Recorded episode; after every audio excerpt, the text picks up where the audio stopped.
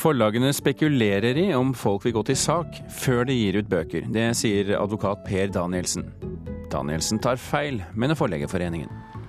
TV-serien The Walking Dead har startet sin sjuende sesong og er bedre enn noensinne, ifølge vår anmelder. Og en mann fra Sør-Helgeland må i dag møte i retten tiltatt for trusler og hatefulle ytringer, etter at han i sosiale medier utlyste skuddpremie på Ap-leder, eh, nestleder Hadia Tajik. Og VGs Roar Hagen ser tilbake på sine 40 år som avistegninger i dette studio her, mot slutten av sendingen. Norske forlag går lenger, lengre i å utlevere detaljer om ekte personer i bøker hvis risikoen for å bli saksøkt er lav. Det hevder advokat Per Danielsen. Tidligere i høst satte litteraturkritiker i Aftenposten Ingunn Økland lys på debatten om hvor mye en forfatter kan avsløre av private liv i romans form. Og siden har diskusjonen gått høyt på radio, i aviser og på sosiale medier. Forlagsbransjen mener det handler om forlagsmoral. Danielsen mener det handler om juss.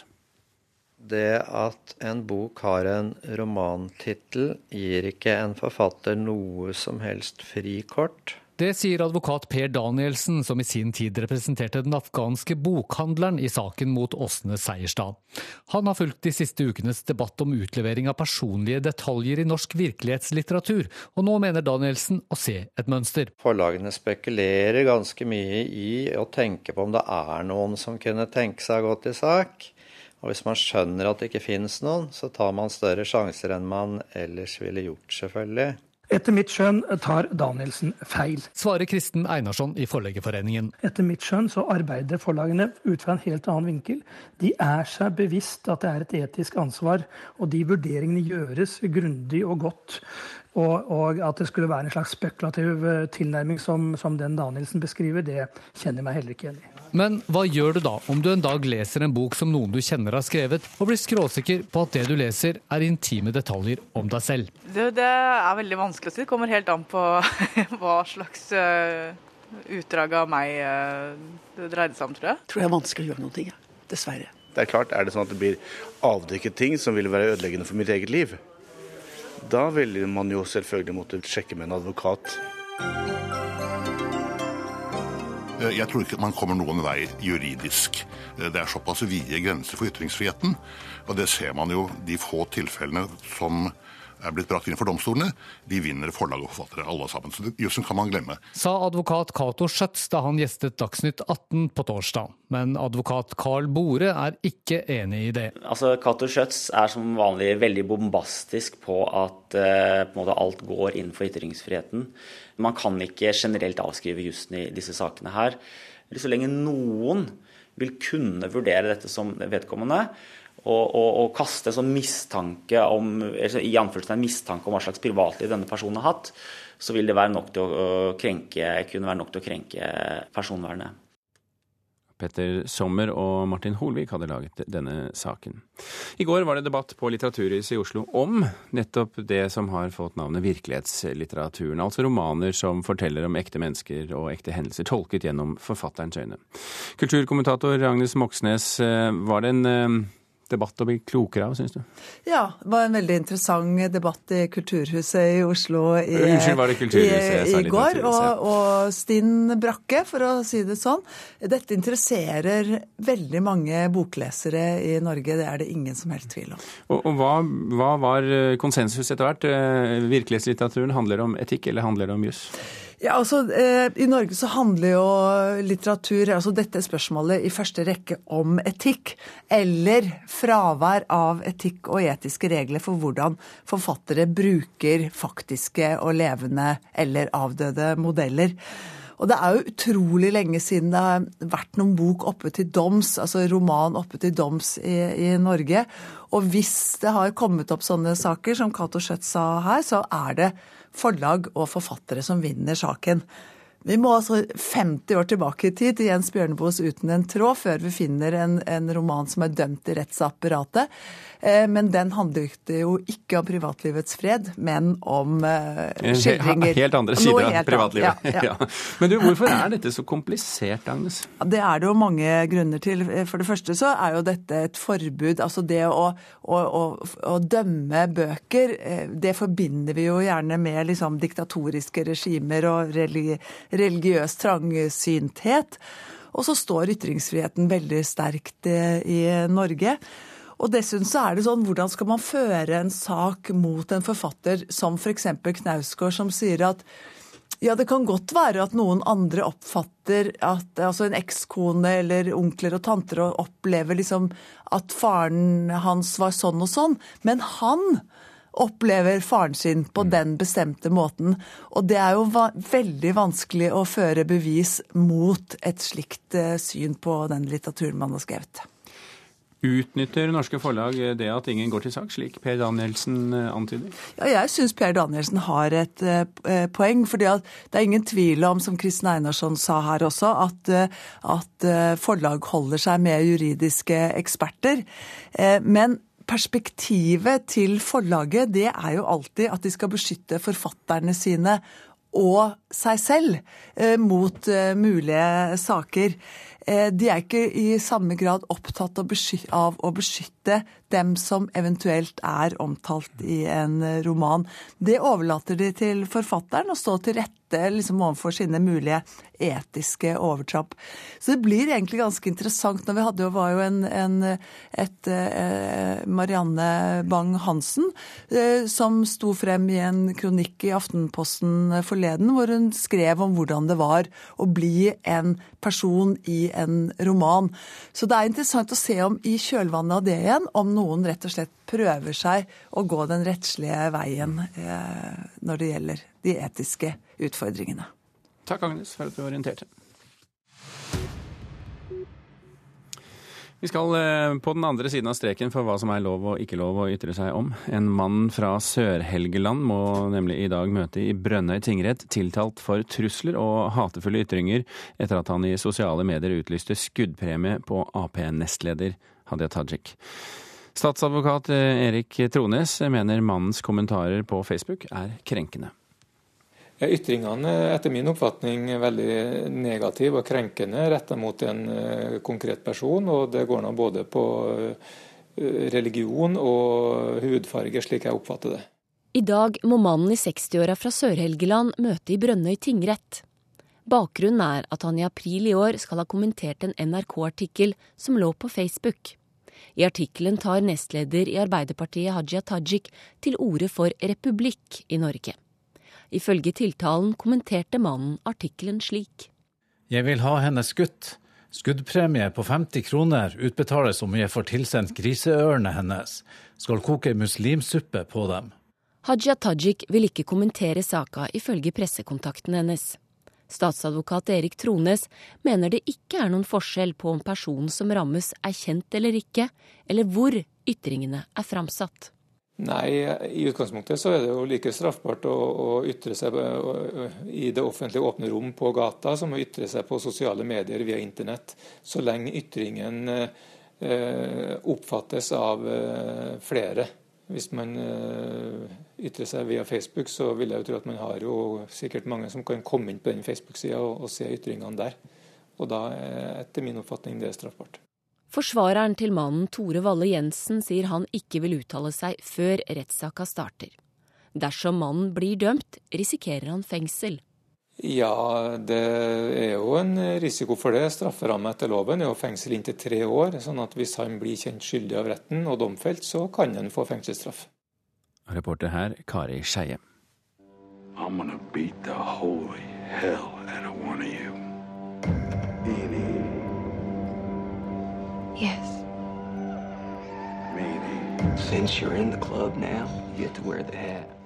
Dette er lyd fra den populære zombieserien The Walking Dead. Sesong sju hadde premiere på norske TV-skjermer i går. Serien skal ifølge den britiske avisen Independent være verdens tredje mest sette TV-serie. Og Marte Henstad i Filmpolitiet, hvordan var den første episoden i sesong sju? Det var en eh, ultravoldelig eh, affære. Eh, det er jo sånn at eh, helt siden avslutningen på sesong seks, så har vi ventet lenge på at sheriff Rick Grimes og vennene hans skal på en måte få sin dom av skurken Negan. Og det er det som skjer i denne første episoden av The Walking Dead sesong sju. Det er noen som må dø. Jeg skal ikke si hvilke, men det var en en skikkelig vond og fæl og nesten litt sånn kvalmende episode, men også veldig bra, syns jeg.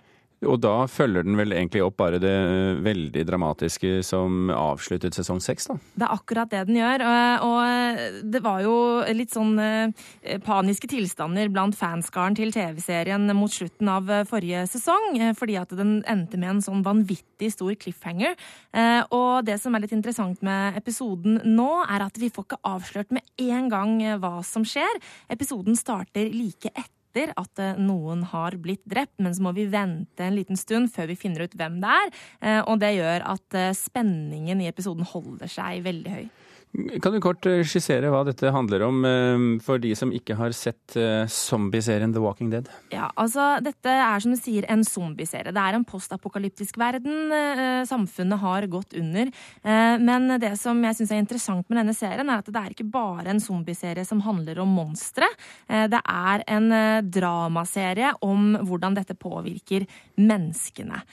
Og det som denne episoden her viser virkelig eh, nå, er at eh, The Walking Dead er på en måte en serie som det er, det er, ikke zombiene som er de virkelige monstrene i serien.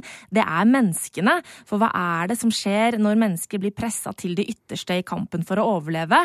Det er det The Walking Dead handler om. Eh, og det er da vi som er de virkelige monstrene i verden. Hvis du tar alle seks og snart syv sesongene under ett, i hvert fall det du har sett av sjueren så langt, hva er det som gjør denne serien bra? Det er nettopp det jeg, nevnte nå, at det handler om menneskene. Det er veldig interessante rollefigurer her. Eh, Andrew Lincoln spiller sheriff Rick Grimes, og han viser gang på gang at han er bare en fabelaktig skuespiller med en enorm rekkevidde. Eh, som klarer å dra oss inn eh, og føle empati med han når han sliter. Eh, det er jo sånn at The Walking Dead har en spin-off-serie også, Fair The Walking Dead, og de har ikke klart å etablere like gode rollefigurer som man virkelig bryr seg om. Uh, så det er rett og slett den der kombinasjonen med veldig sterke rollefigurer uh, og dette med at det er mennesket som står i sentrum, og deres kamp for overlevelse. Marte Hedenstad, takk for at du anmeldte The Walking Dead sesong sju, i hvert fall premiereepisoden. Klokken har passert kvart over åtte. Du hører på Kulturnytt, og dette er toppsakene i Nyhetsmorgen nå. En norsk TV-pastor har samlet inn en milliard kroner til den kristne kanalen TV Visjon Norge de siste 15 årene. Uakseptabelt, mener innsamlingskontrollen. I dag skal franske myndigheter etter planen begynne å jevne flyktningleiren i Calais med jorden. Evakuering av leiren, som kalles Jungelen, pågår nå for fullt. Og togstreiken kan gå mot slutten. Om få timer setter partene seg ned rundt Riksmeklerens bord. Viken, som var vikingenes navn på området rundt Oslofjorden, passer dårlig som navn på en ny region, det mener historikere. Fylkespolitikere i Akershus, Buskerud og Østfold vil ha navnet Viken på en ny storregion på Østlandet. Men når Vestfold, som var viktig i den gamle Viken, ikke er med, da passer navnet dårlig, mener vikingforsker Klaus Krag. Vi kan jo tenke på ja, vikingtidens gravfunn osv. Osebergfunn og, og, og Gokstadfunnet og ellers eh, Vestfolds betydning i mange sammenhenger. Det blir noe kunstig, ja. Han får støtte av en annen historiker og nåværende professor ved Høgskolen i Sørøst-Norge, Bjørn Bandlien. Det vil bli litt, uh, bli litt merkelig, syns jeg, å, å, bruke denne uh, Viken-navnet på Østfold, Akershus og, og Buskerud. Tønsberg er jo en av de eh, viktige middelalderbyene i eh, det som da var Viken-regionen, og den er jo ikke med.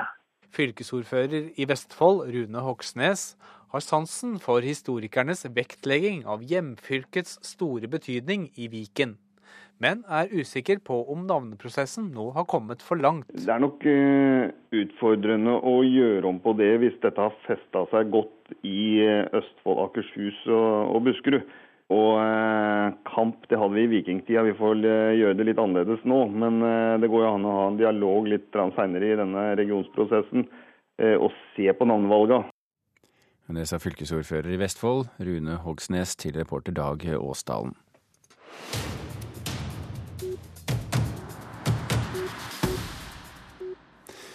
Hvert annet år arrangeres verdens viktigste arkitekturutstilling, nemlig arkitekturbiennalen i Venezia. Tittelen i år er 'Reporting from the Front'. Og Mona Palle Bjerke, kunst- og designkritiker her i NRK.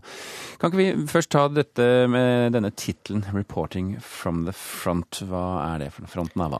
Ja, I selve tittelen så er det en referanse til krigsreportasjen, og det er jo nokså dramatisk. Men det handler om at, og det er slagmarken her, er jo arkitekturen og alle på en måte arkitekturens ulike fronter. Og det, den dramatikken den henviser jo til alle de krisene som arkitekter er konfrontert med. da, Sosiale, politiske og, og også økonomisk krise, og selvfølgelig fremfor alt klimatisk eh, krise. Mm. Så det er et veldig omfattende tema, eh, og selvfølgelig da med et ganske tydelig etisk eh, tilsnitt her. Er det noen gjennomgangstemaer over hele flata her, eller er det varierende? Ja, altså Hver paviljong er en liten kuratert uh, utstilling som forholder seg til det store overgripende temaet, kan man si. Men det man ser som er et tema mange tar opp, det er flyktningeproblematikken. Det er jo ikke så rart. Og et kanskje aller tydeligst og mest spennende syns jeg var uh, Tysklands paviljong. Som tidligere år så tar de utgangspunkt i arkitekturen i sin egen permanente paviljong. Den var jo bygget om i 1938 og er utformet i, i typisk fascistisk, uh, nyklassisistisk stil, som gjør at de har et ganske ambivalent forhold til eh, denne paviljongen. Og eh, det de har gjort da, det er at de har laget store hull i veggene. Rett og slett tatt bort 48 tonn stein. Og disse gapende åpningene i denne bygningen som på en måte eh, representerer nasjonen Tyskland, det er jo ganske sterkt eh, bilde på et land som åpner grensene istedenfor å bygge murer. Men også har det jo en tilleggsdimensjon i at det er denne ladede arkitekturen, og at man opplever at det er en frihetsprosess. At de slår seg ut, tar hull på en forestilling om Tyskland, og kanskje prøver å frigjøre seg da fra en historie som fremdeles ikke er til å leve med. Den nordiske paviljongen, den er jo ganske åpen i sin, eh, sin, karakter. Den er jo tegnet av Sverre Fehn i hine hårde dager. Merker man, bruk, Brukes den også i, i samme øyemed? Ja, her har man eh, lukket den litt, kan man nesten si. For man har bygget en kjempestor trinnpyramide i tre inne i paviljongen. Og her i, på disse trinnene så ligger det masse, masse informasjon om nordisk arkitektur de siste årene. Eh, Tittelen på utstillingen i den nordiske paviljongen er In Therapy. Og tanken er at publikum publikum og kuratorer sammen skal utforske den nordiske arkitekturens tilstand. Eh, den skandinaviske, naturnære modernismen som på en måte både definerer og begrenser eh, det nordiske formspråket fremdeles. Så man vil på en måte forsøke å se hvor står arkitekturen i dag, og enda mer hvor går den. Man kan si at denne, for Jeg sto da på den trimpyramiden og tenkte hva gjør dette egentlig med dette åpne rommet som du snakker om? Eh, dels er det jo litt negativt at det skjuler det mest karakteristiske ved Fens arkitektur, som også er liksom det urnordiske, nemlig dette at trærne vokser opp gjennom bygningen og gjennom taket. Det ser man jo ikke så godt da når trimpyramiden er rundt disse trærne. Men på den annen side så opplever man jo bygningen på en annen måte. For, det, eksempel så slo jeg hodet i taket. Det har jeg aldri gjort i Fens paviljong før. Nei.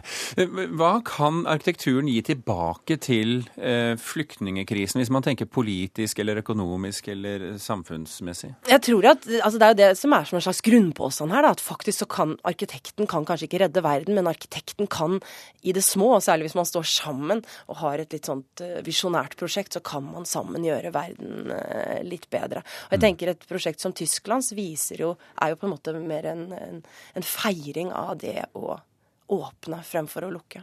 Men så er jo det eh, interessante spørsmålet, tenker jeg, eh, fordi at, at arkitekturtriennalen er interessant for arkitekter, det er nå så sin sak, det må man nesten ta for gitt. Men er det noen andre som kan ha glede av det? Dette, dette er en, en, en, biennale som alle kan ha glede av, og en, fordi den ikke bombarderer oss med krevende, teoretiske, utilgjengelige diskurser, men er, veldig, er en veldig sanselig og fysisk refleksjon over hva arkitektur er. Så dette, man trenger ingen forkunnskaper. Det er en veldig, veldig åpen og tilgjengelig eh, biennale som er veldig rik, og jeg tror nesten absolutt alle vil eh, kunne ha glede av. Og det som er spennende å se i år, er at det er også en sånn sanselig vending. Vi har jo snakket mye om den sanselige og materialbaserte vendingen i kunsten, og den ser vi nå veldig tydelig også i arkitekturen. Og den store stjernearkitekten Petter Sumtor sa jo også det at hånden er tilbake i arkitekturen da, i forbindelse med den 15. arkitekturbiennalen i Venezia. Ja, Det sa Mona Palle Bjerke om eh, arkitekturbiennalen i Venezia. Det kommer stadig ny forskning rundt Shakespeare, og det har jo vært veldig mye diskusjon rundt hvem han var, og hva har man funnet ut nå, reporter Kirsti Falk-Nielsen? Jo, i anledning Shakespeare-året så kommer det fram denne måneden en ny eh, forskningsutgave, hvor flere forskere skriver at de kan bevise at 17 av skuespillene til Shakespeare var skrevet sammen med andre og ikke alene. Og hvorfor har de gjort det? Jo, de har studert og sammenligna tekster fra andre forfattere, og bl.a. kommet fram til at forfatteren Thomas Middleton har vært med på å skrive 'Når enden er god, er allting godt', og at dramatikeren Christopher Marlowe har vært med på å skrive 'Henry den sjette'-triologien. Uh, Gary Taylor ved Florida State University sier til nyhetsbyrået AFP at de er sikre på at Marlowe skrev flere av scenene i disse skuespillene sammen med Shakespeare. Mm.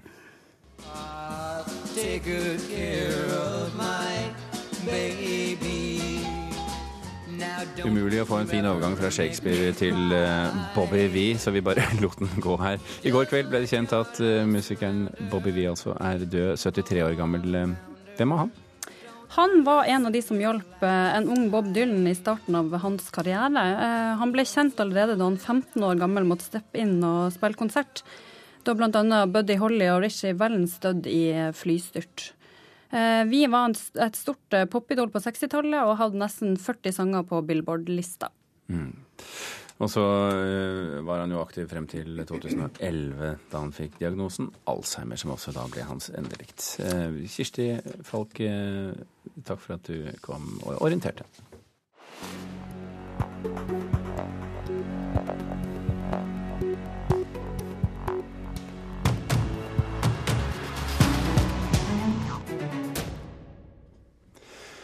Roar Hagen, kjent avistegner fra VG, har nå tegnet ut uh, norgeshistorien uh, siste fire tiår slik han ser den, og det har blitt uh, bok. Men hvis du tenker på Roar Hagen som en um, mann du bare leser i VG, så kan jeg jo fortelle at han leser du i The Sight og The New York Times og Le Monde, og han henger på vegger i store firmaer og i oljebransjen og også store gallerier. Um, og skal jeg benytte anledningen til å be min uh, kollega gå inn og trykke på en knapp, slik at mitt manus lagrer seg. Roar Hagen, velkommen uh, til uh, Kulturnytt.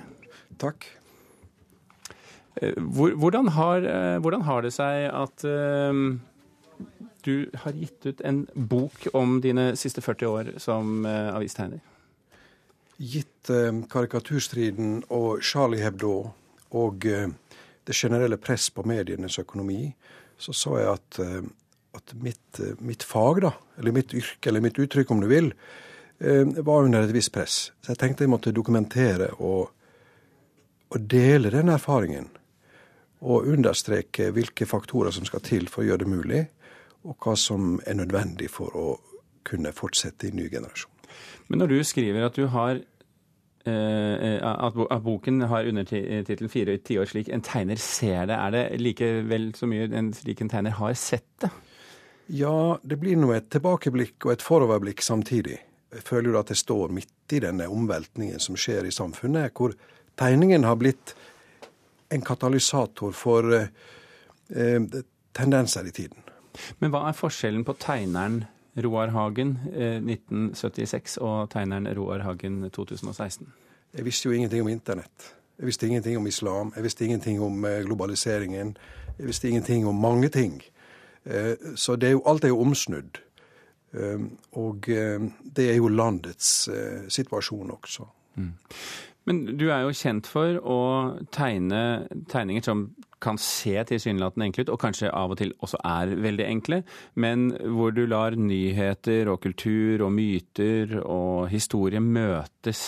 Sånn at det vil hjelpe veldig hvis du er en dannet person, for å si det på den måten.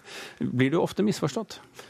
Ja, det hender ofte. Og jeg opplever jo daglig at folk på høyre- og venstresiden liker den samme tegningen.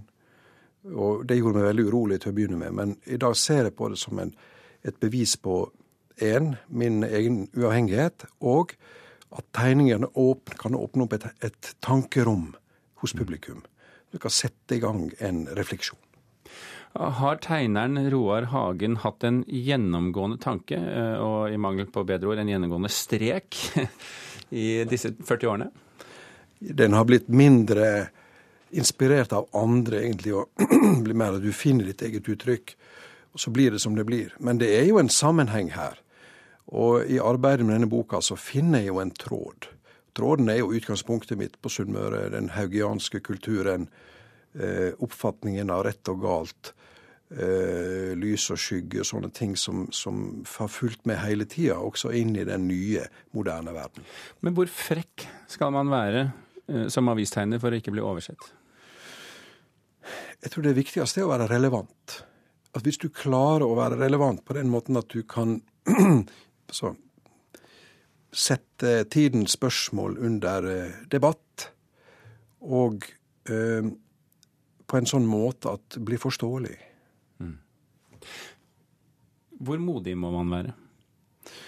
Du må være modig på den måten at du må tørre å stå alene med dine oppfatninger. Du kan ha støtte av redaktøren så mye du vil, og det har jeg alltid hatt. Takk til Stavanger Aftenblad og VG og Sunnmørsposten. Men til sjuende og sist så står du alene med ditt uttrykk og signerer dette. Og, og, det kan være ensomt, men også um, tilfredsstillende. Men du har ikke gått inn i tegning av blasfemiske tegninger, er det bevisst? Ja, det ligger så langt tilbake som uh, da som ung mann skulle finne uh, hva skal vi si, mine felter. Og, og, og da var jo liksom uh, vår Herre måtte du ikke være for hard med. Det, jo, det lå jo hos meg fra barndommen. Roar Hagen, takk for at du var med i Kulturnytt, og vi runder av der. Thomas Alvarstein Ove og Birger Kolsrud Aasund takker for følget.